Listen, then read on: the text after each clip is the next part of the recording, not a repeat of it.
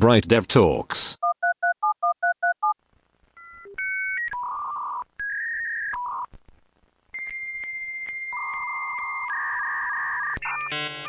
Cześć, witam Was w kolejnym odcinku podcastu Bright Dev Talks.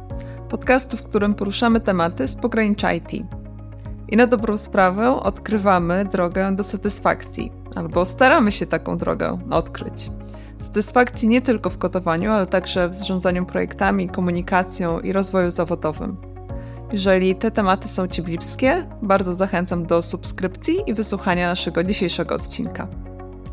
Ja nazywam się Ula Stankiewicz i na co dzień działam w obszarze budowania zespołów, komunikacji i marketingu w Bright Inventions. Ze względu na swoją rolę często zdarza mi się poznawać i rozmawiać z ciekawymi ludźmi i taka będzie również moja dzisiejsza gościni. Doktor studiów informatycznych na Politechnice Gdańskiej, autorka publikacji na temat zarządzania ryzykiem, nie jednej zresztą publikacji, i doświadczona project managerka, która od ponad 12 lat działa w obszarze zarządzania projektami w IT. A prywatnie pasjonatka dwóch kółek. Czy zastanawialiście się kiedyś, co może łączyć świat programowania z jazdą na rowerze? No cóż, to pytanie skierujemy dzisiaj do naszej ekspertki Kasi Łukasiewicz. Cześć Kasiu. Cześć Ula, dziękuję bardzo za zaproszenie. To ja dziękuję, że znalazłaś czas, bo myślę, że to będzie bardzo ciekawa rozmowa. Ja kilka lat temu, wydaje mi się, że to było kilka lat temu, ale być może to było trochę e, wcześniej bądź później, czytałam Twojego blog posta, bardzo ciekawego, e, gdzie pojawiła się analogia, analogia, też metafora, do dwóch kółek, do jazdy rowerem i do tworzenia projektów. Mhm. To był bardzo ciekawy blog post i stąd w dzisiejszym odcinku ten rower będzie się gdzieś tam pojawiał w naszej rozmowie. A w ogóle przyjechałaś dzisiaj do pracy rowerem? Niestety nie. E, jeszcze rano zawoziłam dzieci do szkoły i mamy trochę za daleko jeszcze, żeby oni sami też dojechali. Ale marzę o tym dniu, kiedy wszyscy razem pojedziemy do szkoły rowerem. Ja sobie do pracy wtedy skoczę też rowerem. Okej, okay, ale wiem, że rower ci towarzyszy też w życiu prywatnym, tak na tak. co dzień. Tak. Jeżdżę sporo, mniej jako środek transportu, bardziej właśnie jako taka forma sportu po prostu. Okej, okay, czyli też nie, nieprzypadkowo znalazł się pewnie w tym blogpoście, tak podejrzewam. Tak jest. No temat roweru jest mi bardzo bliski, więc y, siłą rzeczy znalezienie metafor do rzeczy, które są bliskie, mi było łatwiejsze. No i myślę, że one wtedy są najtrafniejsze. Ja ten rower na razie zaparkuję, taki żart nam wyszedł. Natomiast faktycznie e, będę do niego wracać, e, a chciałabym zacząć od e, takiego tematu dosyć podstawowego mhm. metodologii w zarządzaniu projektami. I pewnie te najbardziej popularne mm, to Scrum, Waterfall czy, czy Kanban. I tutaj mam pytanie do Ciebie trochę o preferencje. Mhm. Czy któraś z tych metodologii jest Ci bliższa? Jeżeli tak, to dlaczego? bliższe są mi zdecydowanie metodyki zwinne. E, w sumie całe moje e, życie zawodowe poświęciłam zgłębianiu metodyk zwinnych. E, to wynika oczywiście też z tego, w jakich czasach obecnie żyjemy. To jest troszeczkę obecnie inne środowisko niż to, które było kiedyś. Dlatego, że ludzie lubią demonizować waterfall, metodyki zdyscyplinowane, które były złe, teraz mamy te dobre, zwinne. No ale to też trzeba pamiętać o tym, że były to zupełnie inne czasy, były zupełnie inne zapotrzebowania na oprogramowanie. Um, bardzo um, określony typ firm zamawiał w ogóle um, oprogramowanie, inni ludzie je wytwarzali. Także uważam, że zdecydowanie do obecnych czasów, do obecnego rynku, e, do tego jak funkcjonujemy, te metodyki zwinne są dopasowane lepiej. Także są mi bliższe i w metodykach zwinnych obecnie pracuję od dłuższego czasu. Okej, okay, a powiedz, jak w takim razie odpowiednio dobrać takie metody w zależności od projektu? Czym się kierować? Czy masz tutaj jakieś na przykład wskazówki albo takie swoje wytyczne, które stosujesz? Dużo zależy od dziedziny, e, w której działamy, czyli od typu oprogramowania, który chcemy wytworzyć. E, dla znakomitej większości będą to metodyki zwinne, zapewne. E, kiedyś się mówiło, że metodyki zwinne są dopasowane głównie dla takich szybkich, projektów, dla MVP, dla zmiennych bardzo środowisk. obecnie praktycznie każde środowisko biznesowe jest szybko zmienne i musimy się dopasowywać do potrzeb klienta, także w większości pewnie to będą metodyki zwinne, chyba że mamy do czynienia z jakimś e, oprogramowaniem takim bardzo o dużych narzutach na bezpieczeństwo i pod kątem safety i security dla medycyny, do bankowości, wtedy też mogą to być metodyki zwinne, ale już odpowiednio dopasowane, wzbogacone o pewne praktyki. Natomiast oczywiście z tego całego pakietu, z tego wachlarzu metodyk zwinnych e, mamy tutaj też spory wybór. Mamy Kanban, taki podstawowy Scrum, Scrumban, e, Extreme Programming i tak dalej. E, no i tutaj mamy pewnie większą dowolność. Możemy te metodyki ze sobą, one się przenikają, możemy łączyć ze sobą praktyki różnych metodyk zwinnych.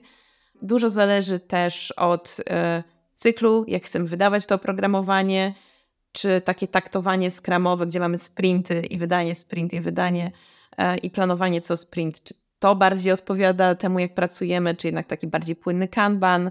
Zależy dużo od dojrzałości zespołu, z kim pracujemy, e, jakie są doświadczenia tych członków zespołu. Także pewnie taki e, e, no-brainer obecnie złoty standard w biznesie to Scrum, e, ewentualnie Kanban, a wszystko pomiędzy i już takie doszlifowanie to zależy.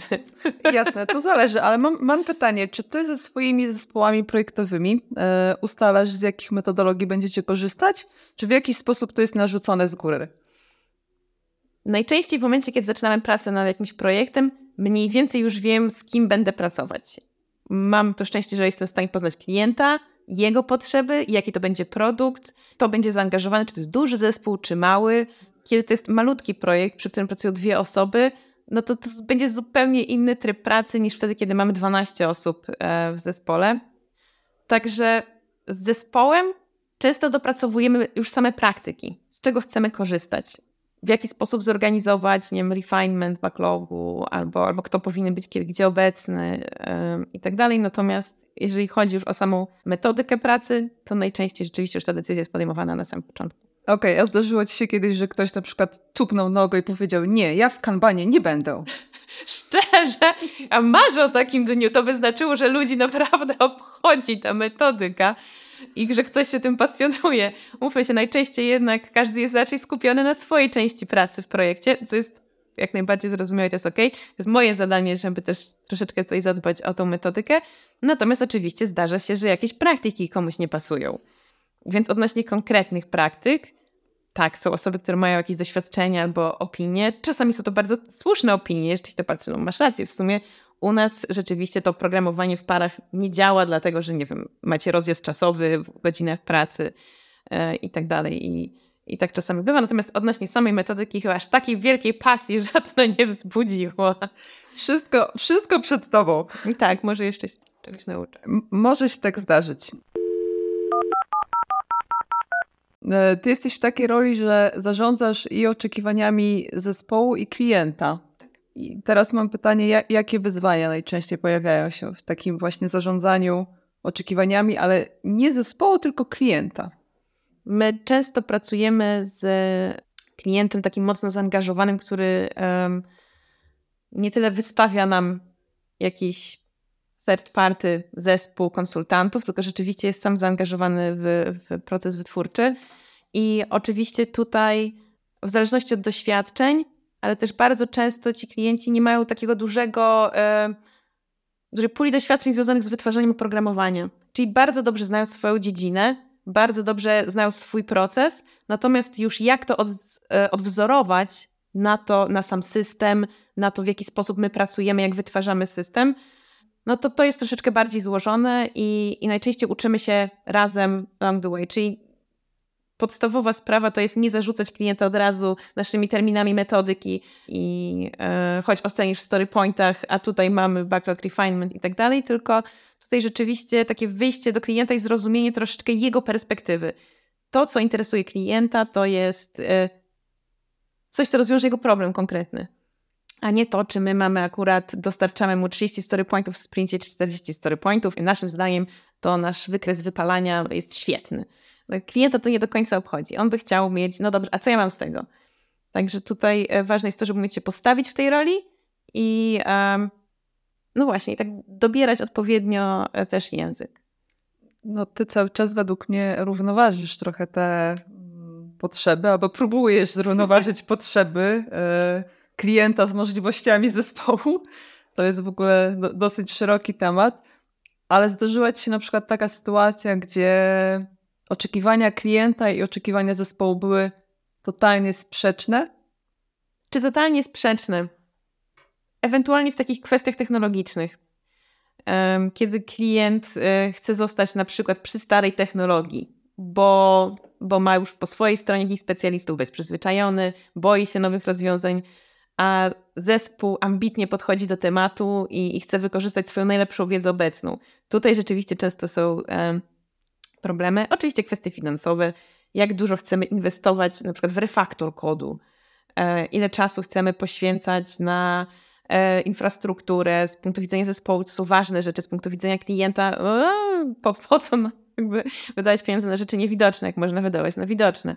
Także wbrew pozorom interes jest ten sam najczęściej, że każdy chce stworzyć jak najlepszy produkt, tylko dla każdego ta definicja najlepszego produktu może być trochę różna.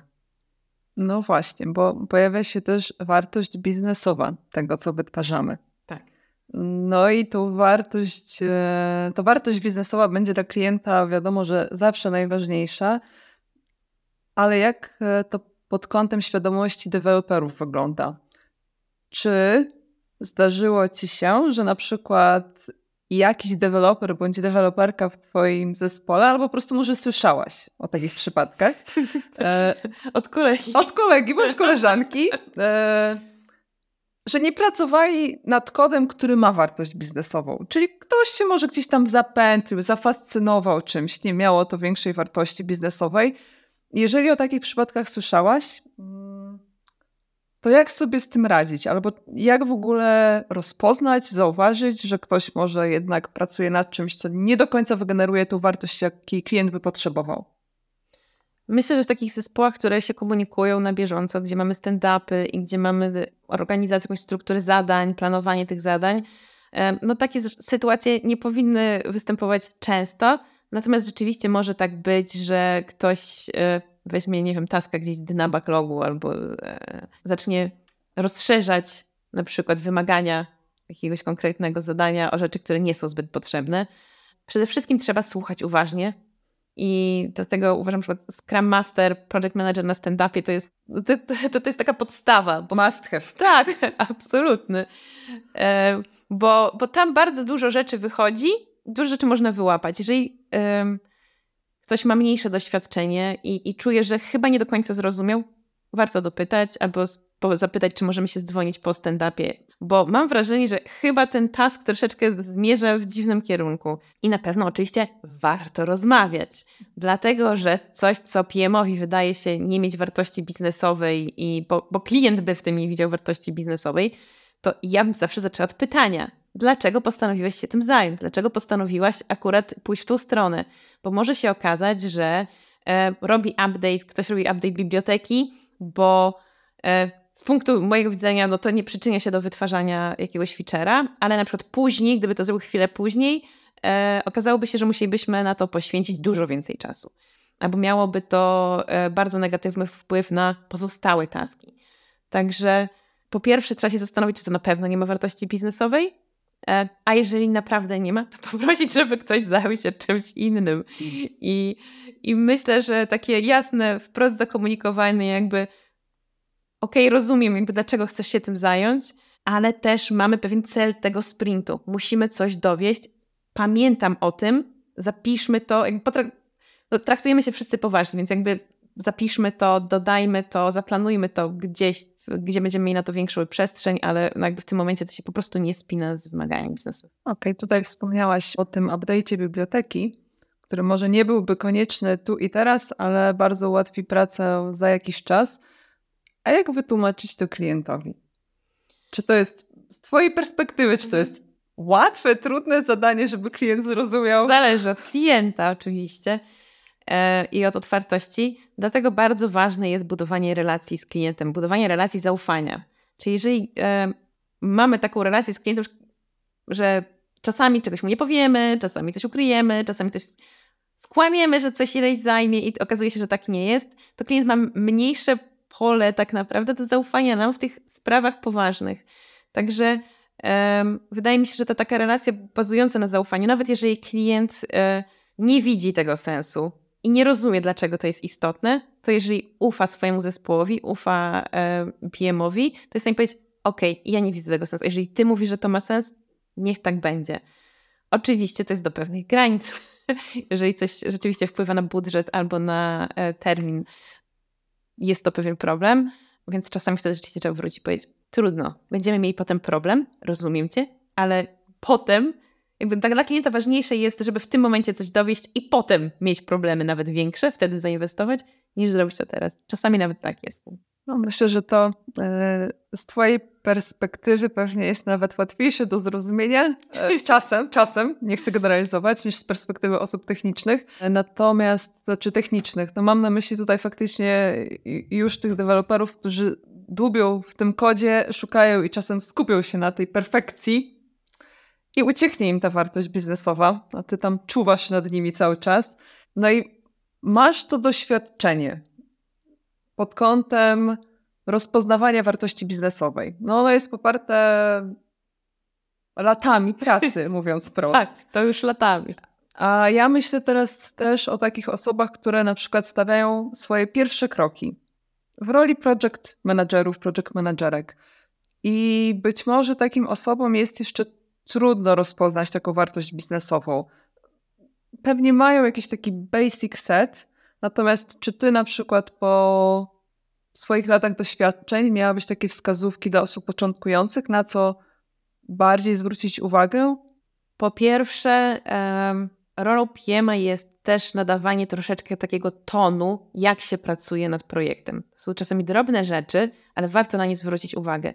Więc jeżeli project manager, scrum master komunikują się z zespołem, używając cały czas haseł acceptance criteria, tutaj e, mniejsza efektywność, e, czy ten task jest w tej kolumnie, czy w tej kolumnie, a ten task. Jeżeli sami project managerowie zajmują się właśnie taką taskozą, tym takim przerzucaniem ziemi z jednego punktu na drugi, skupieniem na kopaniu dołu, bez zastanowienia się, po co jest ten dół, to ciężko jest oczekiwać od zespołu, że ten zespół nagle powie, przepraszam, project manager, ale spójrzmy na to, gdzie nas to prowadzi w szerszej skali.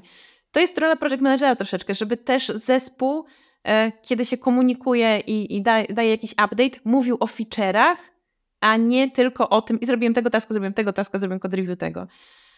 Także pierwsza rzecz to e, komunikacja z zespołem skupiona na wartościach biznesowych. Druga to nieproksowanie takiej całej komunikacji. Ja wiem, że to jest na początku bardzo trudne, ponieważ człowiek chce zbudować jakąś swoją ważność w tym zespole. Że ja też mam rolę i moją rolą jest właśnie tutaj no tutaj zadbanie o klienta, zadbanie o zespół i cały czas tak bieganie między nimi. Im więcej zespół ma kontaktu z klientem, oczywiście, jeżeli sytuacja na to pozwala, im więcej jest w stanie zaobserwować, jak klient mówi o tym produkcie, jakich zwrotów używa, co jest dla niego ważne, tym łatwiej będzie zespołowi to zrozumieć.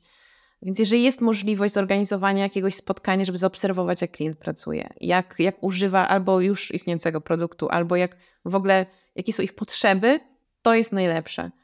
E, I no właśnie takie nierozliczanie zespołu tylko z punktów, tylko z dowo dowożonych wartości. Nie zapominanie o celu sprintu, żeby wiedzieć też, co chcemy zrobić. Um, prezentacje naszych postępów i przed klientem, i przed zespołem, po to, żeby sam zespół czasami podniósł głowę z nad tych tasków i zobaczył, hej, patrzcie, co zrobiliśmy.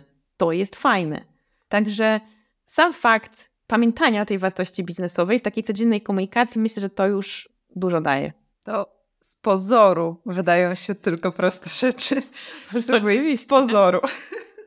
Natomiast one są faktycznie bardzo istotne i mam wrażenie, że czasem o tych najprostszych rzeczach zapominamy najczęściej, a one już są takim, taką podwaliną tego sukcesu projektowego. Ale tutaj to wszystko, o czym mówisz, trochę mi zahacza też o taki wspólny ownership, że, że cały zespół y, czuje tak, odpowiedzialność jest. za projekt.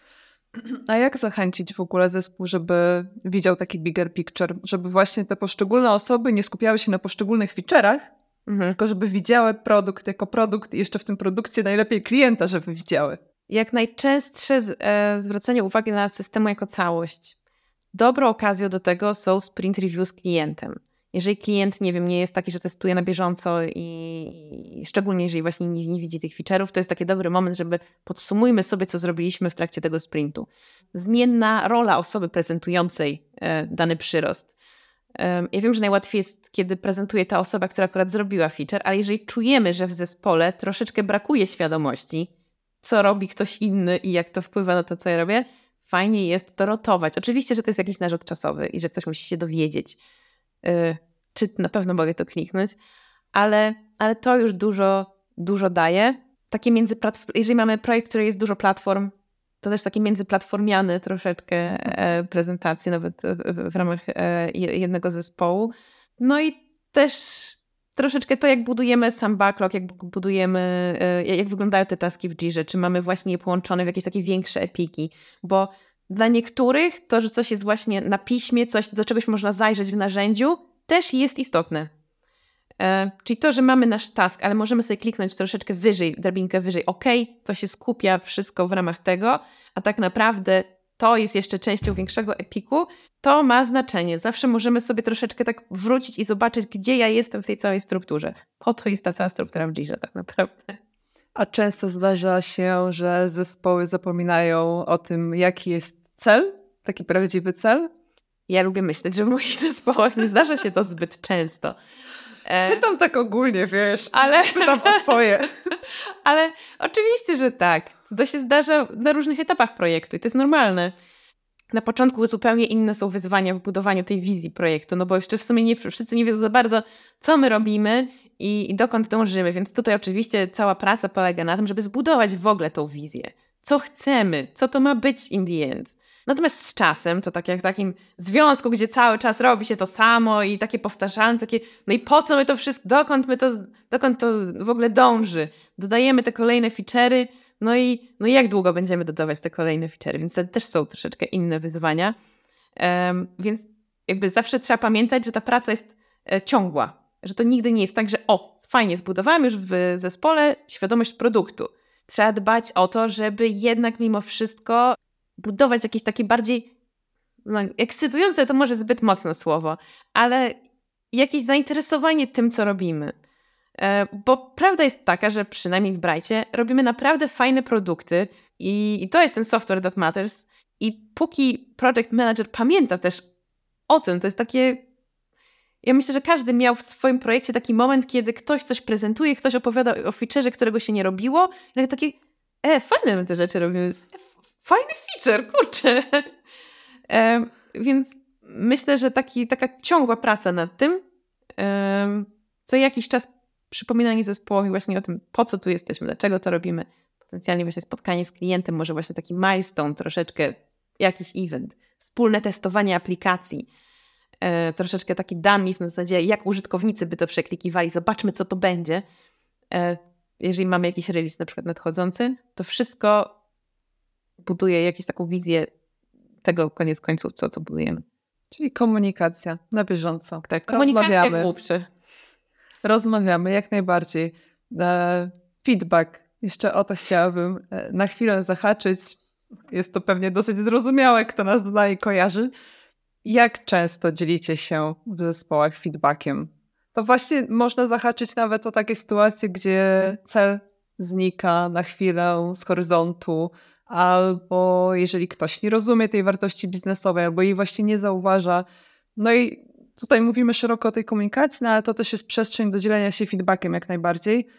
I jak u Was wygląda taka kultura dzielenia się feedbackiem w zespołach? Stawiamy na taki feedback e, na bieżąco. I z jednej strony mamy taką okazję zespołową, feedbackową, podstawową w Scrumie, jaką jest retrospektywa. I, I to jest taki ogólnie projektowy feedback, E, który sobie bardzo cenię i my mamy w zespole mamy co, co, co sprint e, taką retrospektywę i do retrospektywy mogę jeszcze za chwilę wrócić, ale drugą formą takiego feedbacku e, na bieżąco jest coś, co nazywamy w Brightie Bright 7 i to jest, są nasze takie siedmiominutowe spotkania feedbackowe z każdym z członków zespołu raz w tygodniu i to jest taka okazja na bardziej personalny feedback, gdzie członek zespołu może dać mi osobisty feedback albo projektowo jakiś feedback, taki totem projektowy. ja mogę dać też personalny feedback. I to jest taka chwila, kiedy um, jesteśmy w stanie właśnie dać takie bardziej e, niuanse. To jest coś, co może jeszcze ktoś by poczuł, że nie jest na retrospektywę jeszcze, jeszcze nie jest tak dojrzałe, ale mam takie wrażenie, że kurczę, ciężko jest ostatnio. Albo nie wyrabiamy się z tymi e, punktami na sprincie i nie czuję się z tym dobrze, nie wiem w sumie, co z tym zrobić. A ty, Kasia, jak uważasz? Jakby to, to jest ok? Nie jest ok? I myślę, że to jest takie fajne uzupełnienie takiej właśnie zespołowej retrospektywy, bo bardzo często te pomysły właśnie tak ewoluują podczas tych naszych siedmiominutowych feedbackowych spotkań i potem na retrospektywie jesteśmy w stanie bardziej zespołowo to odnieść. Także taki ciągły feedback, rozmowa i, i ta atmosfera szczerości, otwartości i nieoceniania się nawzajem, to myślę, że no ale to jest ogólnie taka nasza brightowa kultura, więc to jest no taka jest. cherry on top na, na co dzień w takiej pracy projektowej.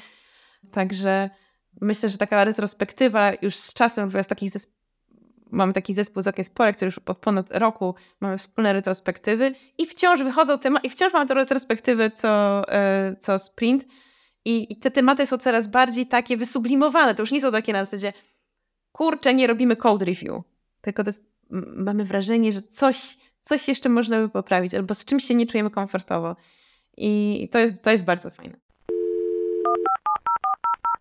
Feedback jest bliski mojemu sercu, ale to tak zostawię temat feedbacku, bo mam jeszcze jedno pytanie, takie, które zahacza nadal o komunikację mhm. i w sumie trochę o feedback, ale też o twój background, bo no okej, okay, jesteś bardzo doświadczoną project managerką, ale jesteś też programistką. O czym nie, niewiele osób wie. Więc, więc chciałam zapytać też, czy uważasz, że ten twój background przydaje ci się tak faktycznie na co dzień, na przykład w komunikacji e, w twoich zespołach projektowych? Czy może się nie przydaje i w ogóle nie ma to takiego dla ciebie szczególnego znaczenia?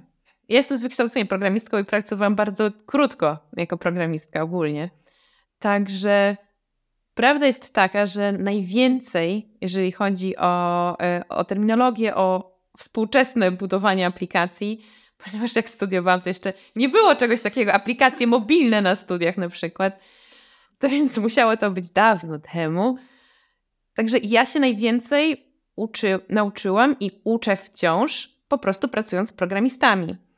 I wydaje mi się, że o tyle, ile na początku może się po prostu bardziej czułam pewnie, że aha, ktoś mówi backend, ale ja wiem, co to jest backend. I że umiałam odpalić takie środowisko i w GitHubie coś wrzucić nie przez interfejs webowy, a mogłam zrobić git push to się czułam troszeczkę z tym lepiej, oczywiście, ale czy to jest niezbędne? Nie. To, co jest niezbędne, to na pewno ta otwartość na uczenie się ciągłe i, e, i słuchanie. I jeżeli czegoś nie rozumiem, dopytanie albo doczytanie. E, dlatego, że jesteśmy w takiej branży, która się tak dynamicznie zmienia, że gdybym ja bazowała na mojej wiedzy ze studiów e, i o, jestem programistką, więc rozumiem, co mówicie, no to już dawno bym przestała rozumieć w ogóle, nad czym my tu pracujemy i jak działamy. Mogłoby tak być.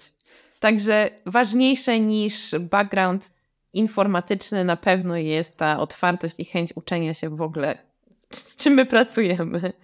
A pamiętasz, kiedy nauczyłaś się jeździć na rowerze? Pewnie jak miałam jakieś, nie wiem, 7 lat.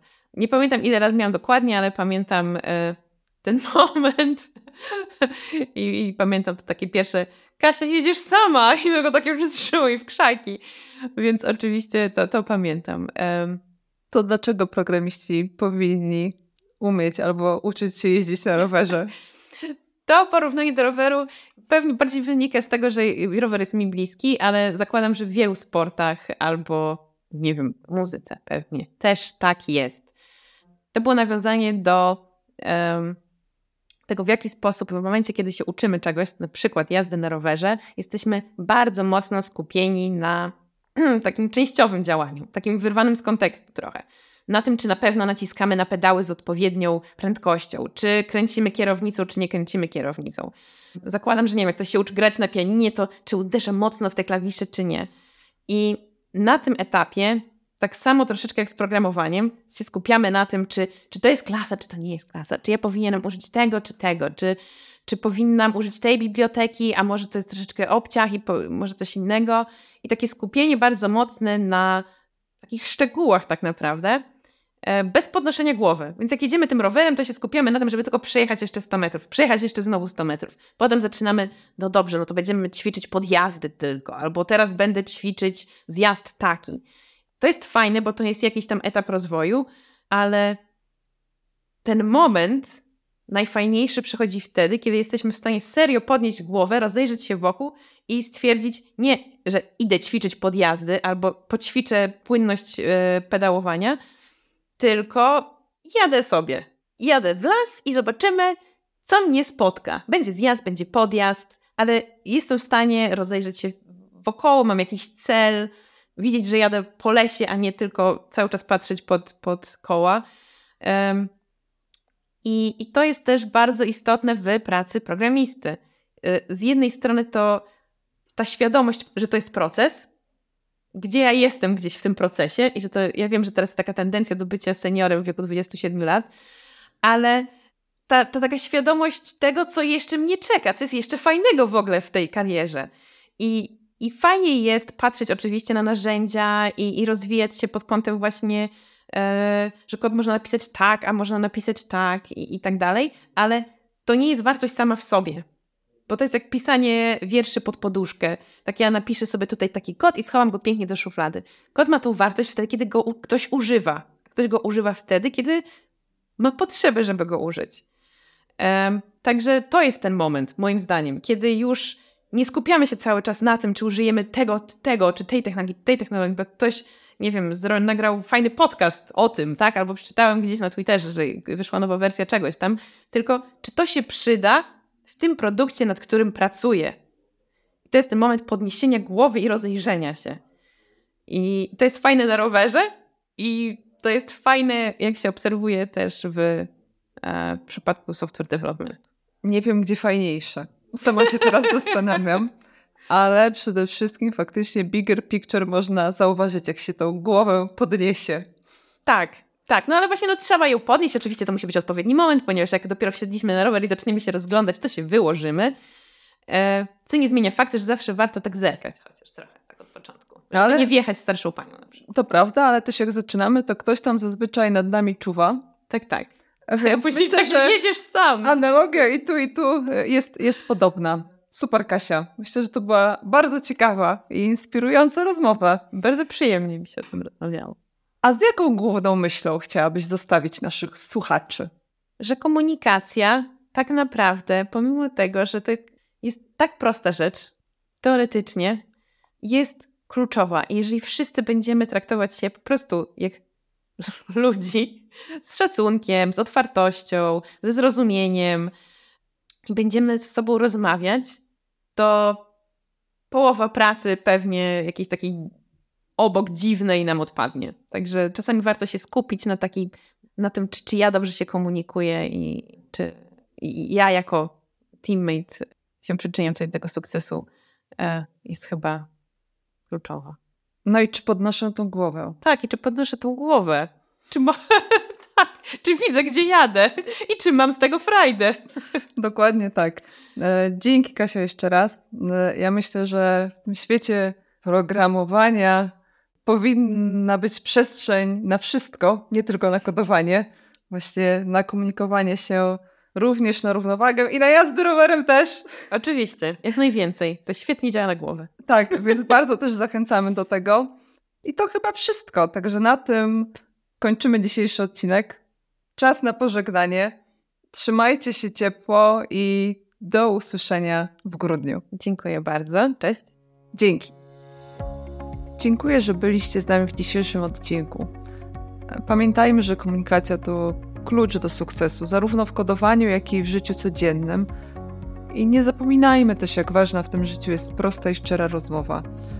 Tak jak Kasia wspomniała, starajmy się też widzieć zawsze szerszy kontekst. Pracujemy razem jako zespół, razem też realizujemy nasze cele, które de facto powinny odzwierciedlać cele naszych klientów. Także rozmawiajmy, bardzo do tego zachęcam. Mam też dla Was małą niespodziankę. W opisie naszego odcinka znajdziecie link do zaktualizowanego blogposta stworzonego przez Kasię. Tego samego blogposta, o którym zresztą wspominałam na początku naszej rozmowy. A w blogpoście pojawi się również kilka inspirujących pytań i materiałów, które mogą posłużyć Wam za punkty do dalszej refleksji.